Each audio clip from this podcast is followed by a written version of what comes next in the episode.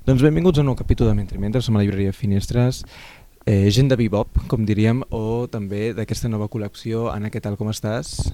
Molt bé, bon dia. Parlem primer amb l'Anna, però també ens acompanya la Montse. Què tal, Montse, com estàs? Hola, bon dia. La Montse és l'editora de l'editorial Bebop, que avui justament centrem aquesta entrevista prenadalenca amb aquesta editorial maresmenca de l'Illa, però abans comencem amb una novetat, és aquest homenatge a Picasso, però és novetat per partida doble, també és una novetat pel que fa a col·lecció, i a més en, podem començar per aquí, per, per un nom amb una simbologia i amb una dimensió, direm, especial. No sé si podem començar per aquesta Sirena, que és una nova col·lecció de l'editorial Bebop, i què és el projecte que hi ha al darrere d'aquesta Fundació Palau, conjuntament amb Bebop? Doncs eh, bé, jo sóc directora de la Fundació Palau des del 2020 i una de les eh, coses que em vaig proposar va ser eh, reeditar l'obra de Palau i Fabra eh, amb, dins d'una col·lecció que fos assequible, que no fos científica, sinó amb aquest afany més divulgatiu. I, i bé, buscava un aliat per fer-ho i la Montse Serra amb la seva editorial penso que fa molt bona feina, que cuida molt bé els seus llibres, eh, fa les presentacions, vull dir que ho segueix, és una editorial que, amb la qual pots eh, tenir a l'abast i, i, i ella sempre, sempre hi és, o sigui que qualsevol dubte i qualsevol cosa sempre li pots consultar i a més a més és del Maresme, que la Fundació Palau doncs, també està ubicada al Maresme i mira, fem, fem territori. I, I la Sirena es diu així perquè Palau i Fabra als anys 40 va crear una editorial amb, amb, amb aquest nom, La Sirena, una miqueta per anar a la contra de, de lo que era doncs, el silenci imposat a la llengua catalana des del franquisme. I, i amb ella doncs, va editar la revista Poesia, que se'n van editar 20, 20 exemplars, que crec que va fer una feina titànica en aquest sentit, i va editar diversos llibres. I aleshores no fem una editorial, però sí que fem una col·lecció. Haguéssim pogut fer-ho des de la Fundació Palau Sols, però penso que és important que, que hi ha que, que sigui una editorial la que se n'ocupi també pel tema de distribució i perquè perquè saben l'ofici, no? I això és la singularitat d'aquest primer títol és que és una obra de teatre, però vem un pròleg introductori del Manuel Guerrero que déu nhi també les eines que dona per entendre uh, la singularitat, sobretot també amb aquesta cita que hi ha del Ricard Salvat, no? que venia a dir com és que aquest teatre no? ens ha sorprès tant i d'alguna manera vist ara en perspectiva um, sí que és veritat que hi ha hagut muntatges del que és el Teatre de Palau i Fabra com el que va fer el Jordi Coca justament al Teatre Nacional el Jordi Coca li va dedicar un llibre també al Teatre de Palau i Fabra però també estem esperant i això quan vam entrevistar ara fa poc no? el senyor de les Cuques justament el Julià Guillamont li vam demanar com està el, el tema i ens va dir és que hi ha una quantitat de documentació ingent Aprofitem doncs per entrar. Què ha de ser aquesta col·lecció La Sirena? No sé si ens pots avançar també cap a on dispararà i també la singularitat de començar amb aquest títol, homenatge a Picasso, que justament la gent que ha visitat la, la Fundació coneix perfectament no? quin altar gairebé té Picasso en la segona planta, diria, justament de la Fundació. Molt bé, veig que ho coneixes bé. Uh, doncs uh, bé, hem començat amb l'homenatge a Picasso d'entrada perquè l'any que ve és el 2023 i es commemoren els 50 anys de la mort i perquè és una de les passions de Palau i Fabra. O sigui, ell hi ha un moment que quasi centra tota la seva obra d'assaig, poètica fins i tot, uh, de creació literària, a l'artista. Ho fa ja des de l'any 46, no? quan comença amb Vides de Picasso i la teoria dels colors, etc. I i aquest eh, homenatge a Picasso, a més a més, no s'havia publicat mai com a peça solta, eh, només una vegada l'any 72 pels llibres de l'Escorpí d'edició 62 i en aquell moment encara hi havia censura i es va excloure el text que parla del bombardeig del Guernica. Aleshores, doncs, ens va, ens va semblar, després a les obres completes sí que s'ha publicat sencera, però clar, mm, com a peça solta no s'havia publicat íntegra. I per tant, en aquest sentit també doncs, és una novetat. Què vol aquesta col·lecció? Doncs um, uh, una mica és publicar textos que ja estan que no, no es troben uh, a les llibreries i per tant reeditar obra de Palau, però també textos inèdits que encara no, no han sortit a la llum o per exemple també doncs, reculls de què diu Palau sobre Verdaguer o sobre Maragall mm. o sobre el teatre o sobre Llull mm -hmm. no? si, fer que a més a més això també ens, ens, ens ajudi a entrar en contacte amb altres fundacions que, que, que vellen pel llegat d'altres escriptors o d'altres eh, qüestions. No? O sigui que aquest és una mica el camí. Clar, la biografia, això és un altre és un altre gènere no? i una altra dimensió, diríem, i això serà, com, com deia el, doncs, el Guillemont, doncs sí, hi ha, hi ha molta informació. El Palau ho guardava tot, tenim més de 35.000 documents a l'arxiu de la Fundació. Uh -huh. I, I clar, cada vegada que fa una pregunta, allà surten mil documents i li costa molt doncs, destriar-los. Eh? Però també hi haurà epistolaris, hi haurà, vull dir que aquesta uh, col·lecció és oberta a anar, a anar editant també segons passi el temps i segons veiem el que convingui més en el moment. No? També veig amb la singularitat de l'edició, amb les imatges que l'acompanyen, m'imagino que també serà una tònica que voldreu anar, anar resseguint, m'imagino. Clar, el tenir tota aquesta documentació a la Fundació ens ajuda a, a donar-li també aquest toc no? de, de, d'incloure i sobretot imatges en aquest cas. Clar, aquesta peça només es va estrenar l'any 71 a la Cova del Drac i va tenir molt d'èxit. Després s'havia d'estrenar al Teatre Poliorama i es va suspendre no? d'un dia per l'altre i no s'ha tornat a representar mai més. I a més a més, eh, és que aquest homenatge a Picasso crec que és una peça del segle XXI. En el fons ens està parlant del segle XX, fa aquest recorregut a través de la vida de Picasso eh, d'una manera teatral, però que ostres, estem igual, no? I amb aquest cercle viciós de pau i guerra, de pau i guerra, de pau i guerra, no? I per tant creiem que és uh, una peça que té tons còmics, té, bueno, és dramàtica en, en molts moments, no? I, i ara el que ens toca és portar-lo al teatre. Això, com a deure i pendent, quedarà inscrit i com a mínim ens en fem ressò a l'entrevista. Deixem però que entrem en, en, en el que és el dia a dia de la Fundació. Ara no sé si encara es pot visitar la, al Palau Robert justament una exposició que va néixer a, a la Fundació, a, que justament dic el nom del Julià Guillemont perquè era en aquest cas el, el promotor d'alguna manera de, d'aquest episodi que és el, el Casas Galobardes, el, el fotoperiodista o fotògraf o com inicia també una dimensió de documentar la ciutat. Deixem que et pregunti també per on ha d'anar també les exposicions temporals i, i també quina és la tasca de la Fundació aquests propers com a mínim aquest proper any? Bé, aquest proper any la veritat és que hem hagut de suspendre algunes coses perquè tots els museus ens trobem molt limitats. Mm, tots sabem la factura de la llum, em sap greu parlar de coses tan prosaiques, no? però eh, tot això ens ha limitat. I, però que de cara a aquest any que ve hem hagut de suspendre, de fet, una exposició, tenim una donació que ens fa Joaquim Pi Bernat, eh, doncs que va morir recentment i, i, i la família ens ha donat tot el seu llegat eh, de peces que tenia doncs, artístic, artístiques a la Fundació i havíem de fer una exposició i aquesta de moment l'haurem de suspendre. Però l'any que ve, al ser any Picasso, doncs el que sí que centrem molt l'activitat en aquest sentit. I hi haurà una exposició a l'octubre que es dirà Picasso vist pels artistes catalans, que una mica aboca també el llibre de Palau i Fabra, Picasso vist pels amics catalans, no? i els seus amics catalans, vaja, i, i en el qual doncs, hi haurà obres de diferents artistes que retraten a Picasso. És a dir, no seran, hi haurà alguna obra de Picasso també retratant aquests artistes, mm. però bàsicament volem veure aquesta visió que tenien els artistes catalans d'aquest personatge eh, doncs, controvertit, però alhora dinàmic, eh, l'alquimista per excel·lència, no? com, com deia Palau i Fabra.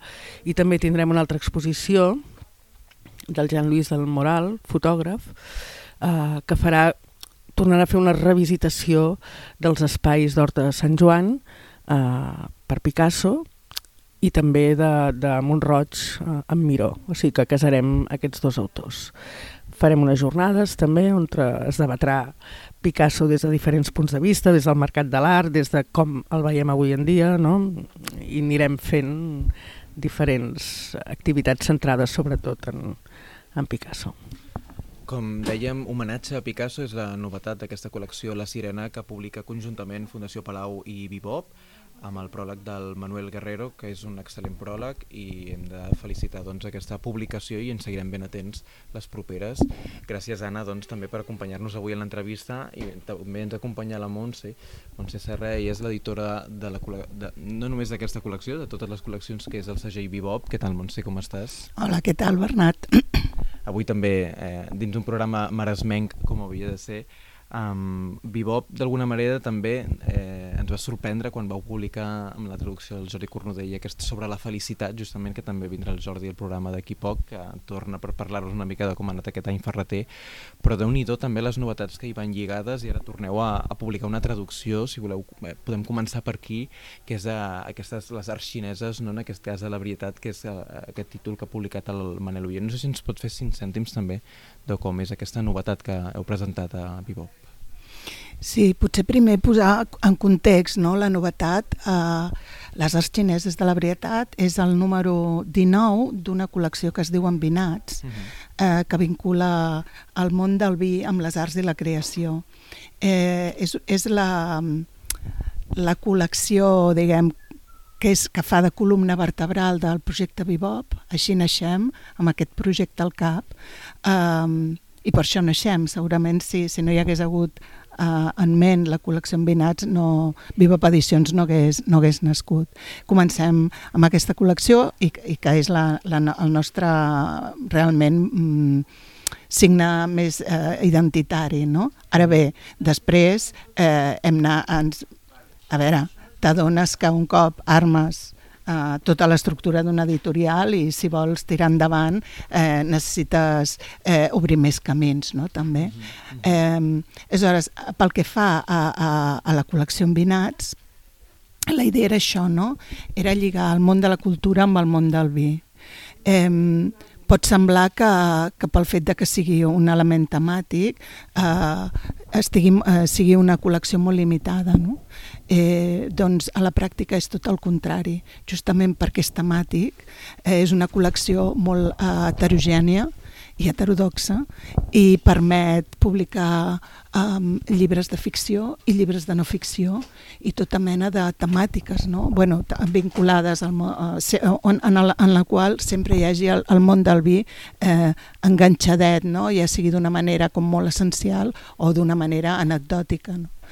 Aleshores tenim, doncs això, no? trobaràs entre aquests, 19 primers, aquests primers 19 títols, eh, trobes eh, temes, eh, per exemple, ara que parlàveu del Guillemont, doncs mm -hmm. Guillemont ha publicat un, un recull de contes preciosos, eh, però també tenim la poesia del Pedrals, poesia de, de la Núria Martínez Bernis i el Martí Sales, mm -hmm. eh, tenim dos llibres que va eh, sobre les olors i les pudors, eh, que, que, que, va, que va fer en, en Vicenç Pagès Jordà. Uh -huh.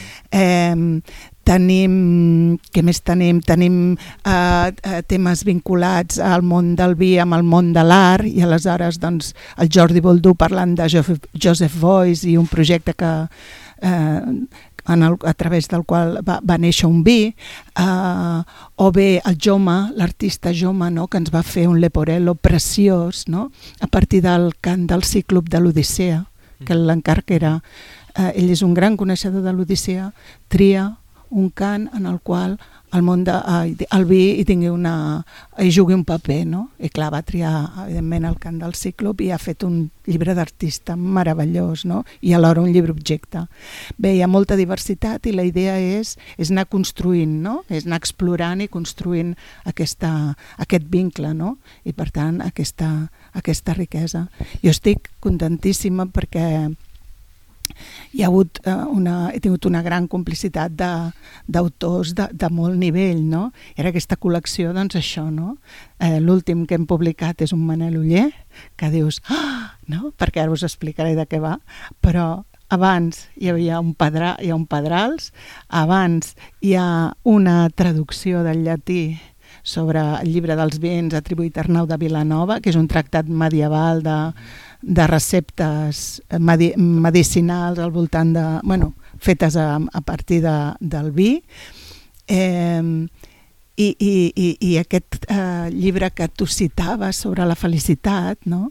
Clar, és, eh, és una meravella haver-lo pogut tornar a editar eh, amb la traducció del Jordi Cornudella i que a més a més fa una petita presentació meravellosa i, i tanca amb un colofó que és un poema del Jordi que, que queda tan ben, tan ben, no sé, tan ben acabat aquest llibre, aquest llibre és el nostre bestseller, també t'ho diré, eh, de l'editorial, perquè hi ha moltes llibreries que creuen i, i ja s'ha convertit en un llibre de fons.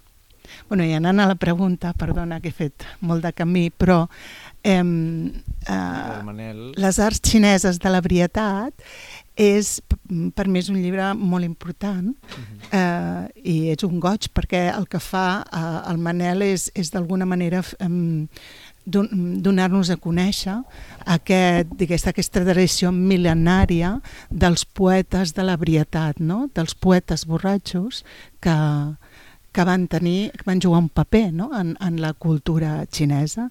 I aleshores el, el Manel ha traduït una, directament del xinès, és que clar, té un valor, uh. -huh. un, un valor impre, impressionant, no? Ha traduït més d'una trentena de poemes o fragments de poemes uh -huh. o pensaments filosòfics eh, i, va, i ens va portant, no? Es fa un camí des del segle III, em sembla que és després de Cris, fins a fins al segle XVI, em sembla, no? I ens va ensenyant poetes i, i ens va ensenyant la, la seva poesia. Tria sempre un poema de cada poeta, o, o dos màxim. Amb tot això, el que també fa el, el Manel Uller és... Eh, el que fa també és que ell sap perquè també és filòleg català, no? a part de ser especialista en cultura xinesa, uh -huh. eh, sap que, que el món de l'orientalisme doncs, al primers de segle uh -huh. va mhm. tenir un interès per molts poetes i autors catalans, o per uns quants, no? i es van traduir del francès o de l'anglès altres eh, poesia xinesa ja.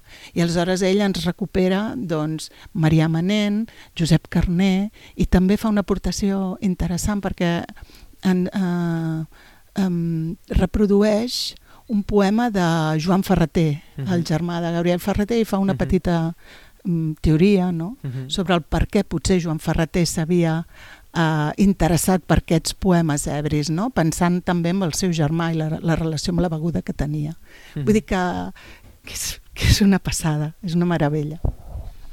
Justament el Manel Oients va fer quatre, quatre detalls, ens va donar 5 cèntims justament quan vam parlar amb ell, justament li feia, no? li, li esperonava aquesta idea sobretot de, de presentar aquesta dimensió temàtica i ens has dit que la qüestió temàtica també va molt lligada a la col·lecció, noms com ja hem dit, eh, Pedrals com Adira, Vicenç Pagès Jordà, que van aquí al darrere, hi ha algunes traduccions també, però sobretot també són, són originals d'autors d'aquí a Catalunya. Deixem però que, que donem també algun detall potser de les altres novetats que, que justament veig per aquí sobre, que són les novetats d'enguany, que són justament aquesta confessió del Goliard que ha publicat justament a Josep Pedrals i d'altra banda aquest llibre que ara ens, ens, a mi m'ha curiosit força no? aquesta traducció del llatí, no sé si també ens pots fer 5 cèntims d'aquests dos llibres que heu publicat enguany. Sí, tant.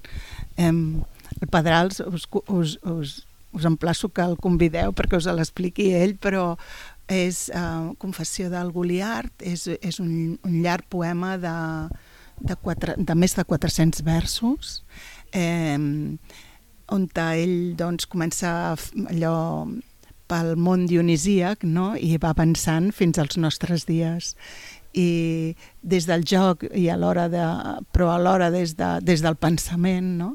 ens, fa, en, ens fa tota una reflexió eh, i tria el Goliard, no? Aquest, aquesta figura que era aquest, aquests monjos no? que van, van entendre que, que potser més, més que a, través, a través de, diguem, del, de la, del flagelar-se no? i de, eh, en comptes d'això eh, a través del gaudi no? i del veure i, eh, es podien diguem eh, eh, aconseguir més, més eh, més eh, adeptes no, al cristianisme. És una manera de, de viure austera però des, de, des, de, des del gaudi, mm -hmm. no, no des, de, des de la flagelació. I, el, I això va ser una, una encara que li va fer al Museu de Granollers, arran d'una festa dionisia que em sembla, eh, i per haver trobat una, una peça, eh, i, i, va, i, va fer que, i va fer aquest poema meravellós, és que és una passada. I aleshores l'hem acompanyat amb un, amb un, amb, amb un text final del, de l'Esteve Plantada, uh -huh. una mica per, perquè l'Esteve té, coneix molt bé Pedrals, són molt amics, va estar molt en aquest projecte eh, i té una mirada, no? I fa una lectura molt bonica. És una lectura de les moltes possibles, però està bé, no? Eh, Donar-ne una i, i és això.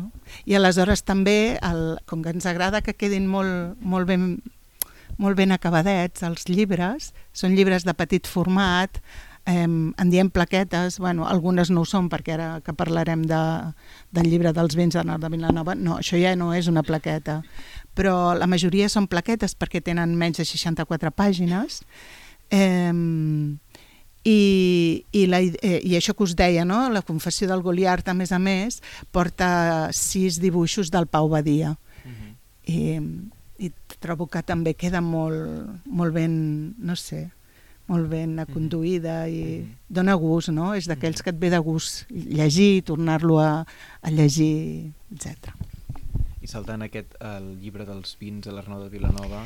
Sí, això és, és, és una...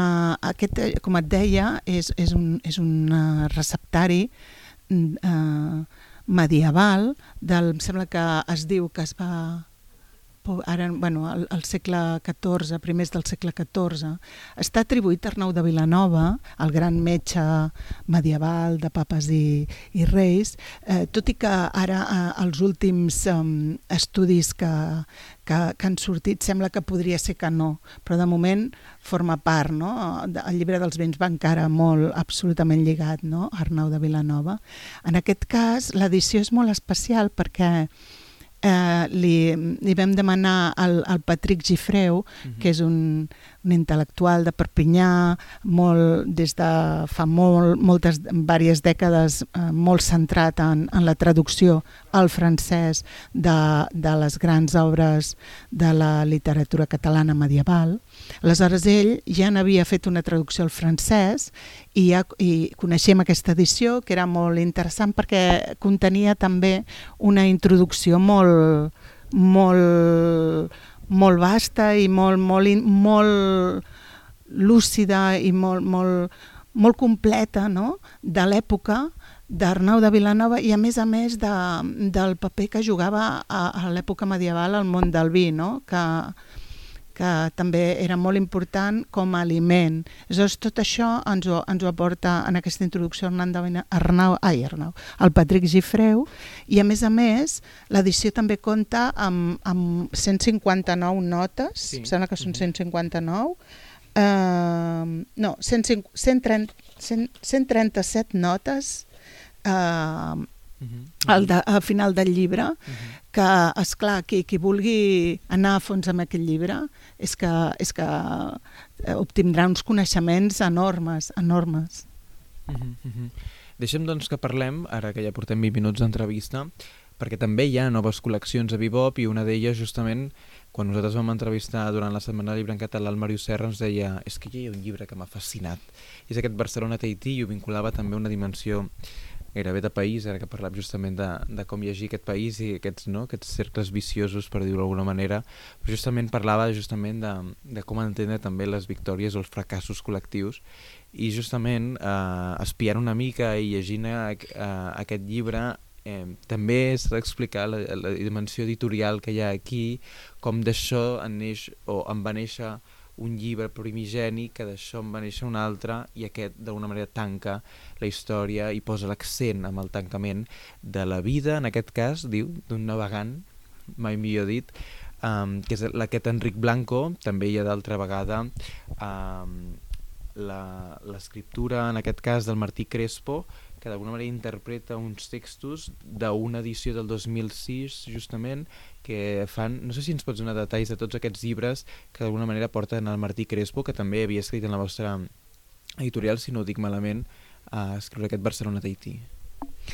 Mira, el Martí és, és una persona important a l'editorial eh, i tenim molt de vincle perquè ell bueno, és, és periodista, és filòleg, eh, de, també corrector de professió i, i també és escriptor, té, té uns temes molt curiosíssims sobre els quals eh, ha, ha estudiat molt, com per exemple són els, el, bueno, concretament els menorquins a, a, a Gibraltar, els menorquins, no?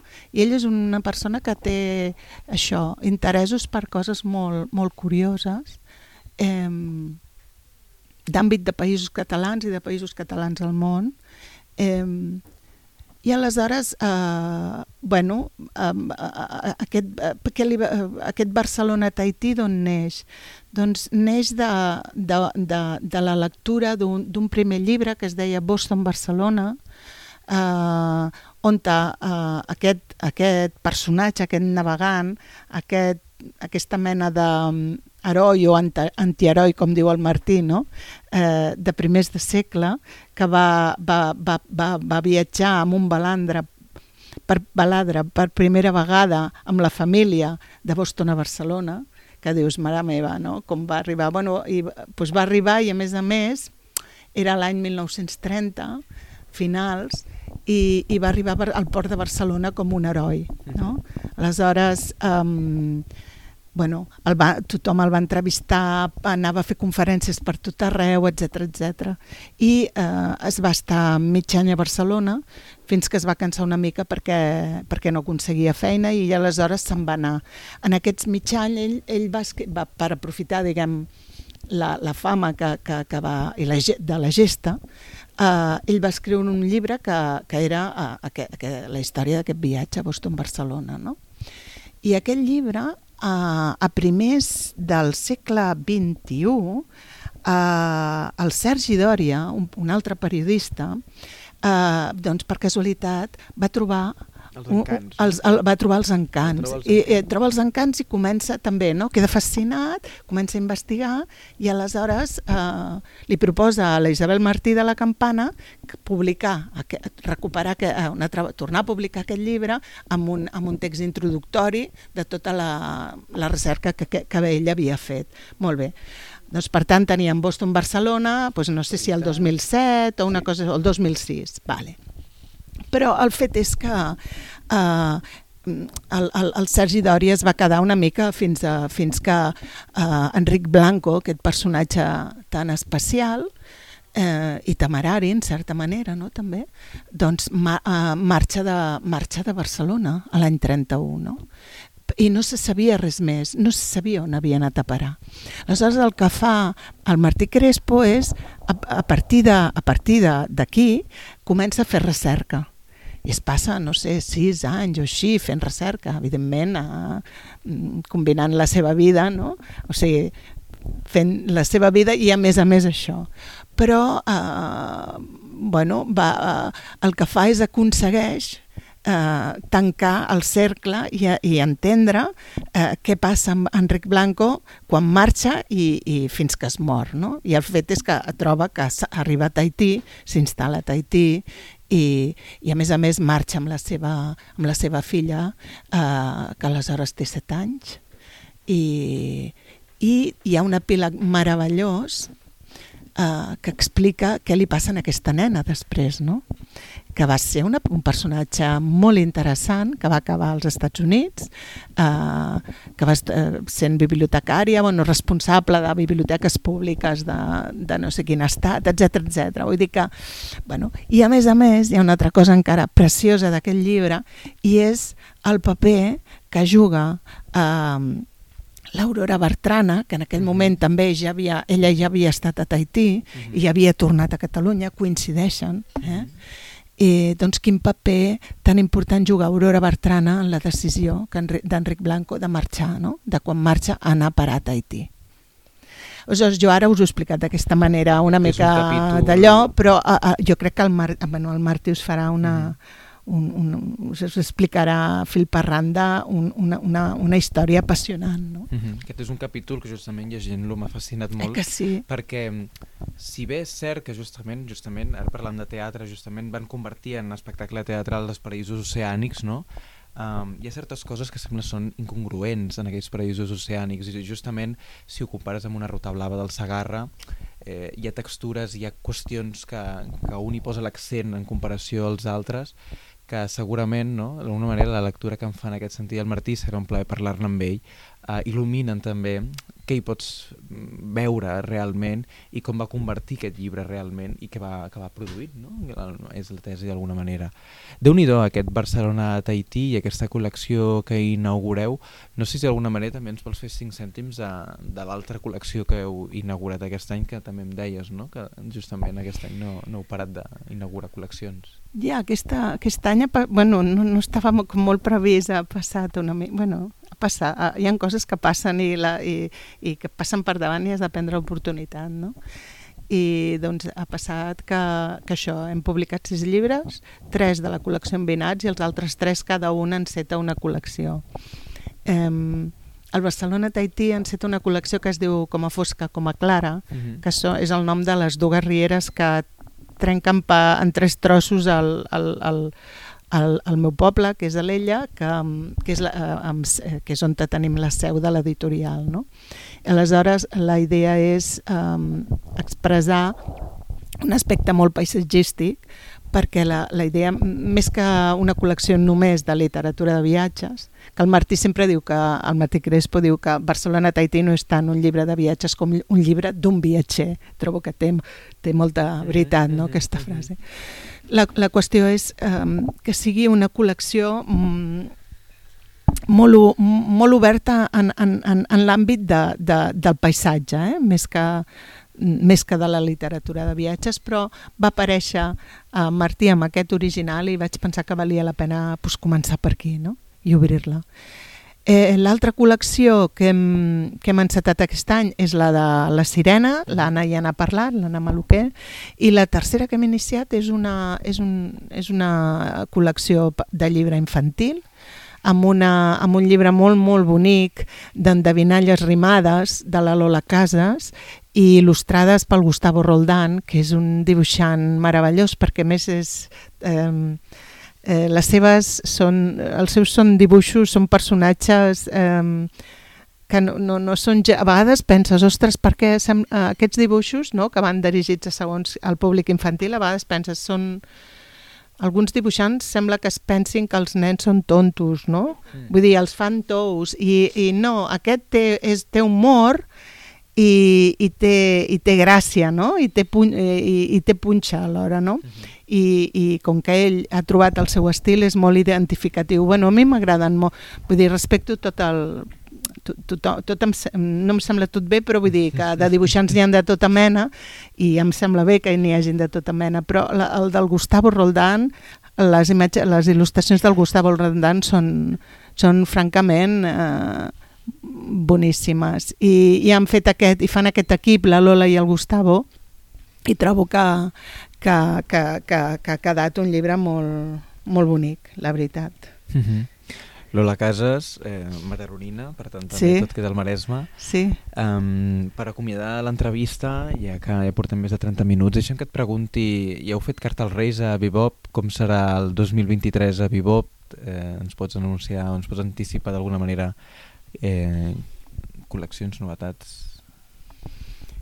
Um, sí. Bueno, més col·leccions no obrirem, per suposat.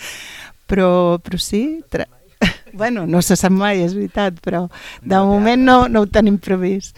Però no, la idea és um, de, de llibres de la col·lecció Envinat uh, en traiem quatre cada any, quatre títols. Aquest any hem fet tres perquè el d'Arnau de Vilanova és, era, era doble, diguem, no?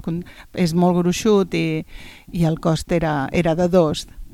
Eh, però en general són quatre títols l'any i, i sí, hi, ha, hi haurà jo, bueno, hi haurà alguns eh, francament eh, que sorprendran i algunes aportacions eh, molt interessants. Bueno, i crec molt. Aquest any he disfrutat molt amb aquests tres títols que hem tret i crec que són de bandera. L'any que ve també passaran coses molt potents, molt potents.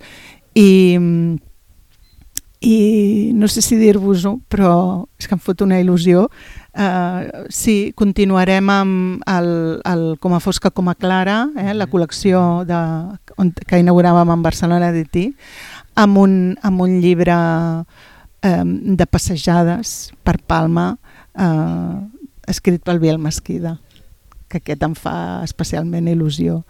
Eh, i, i, I més coses, però bueno, com, tenim programats, diria que set llibres. A veure si, si arribem.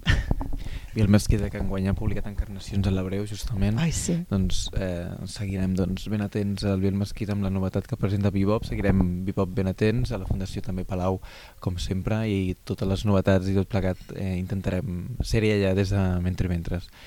Eh, Montse Anna, moltíssimes gràcies avui per apropar-vos fins aquí, fins a la llibreria Finestres, fer aquesta gran radiografia prena de l'enca, justament perquè la gent d'alguna manera sàpiga que també hi ha tots aquests llibres eh, per regalar durant aquest Nadal i per gaudir sobretot aquests dies de festa justament eh, ben acompanyats d'un bon vi. Doncs moltíssimes gràcies Anna i Montse. Gràcies, gràcies a tu Bernat, i tant.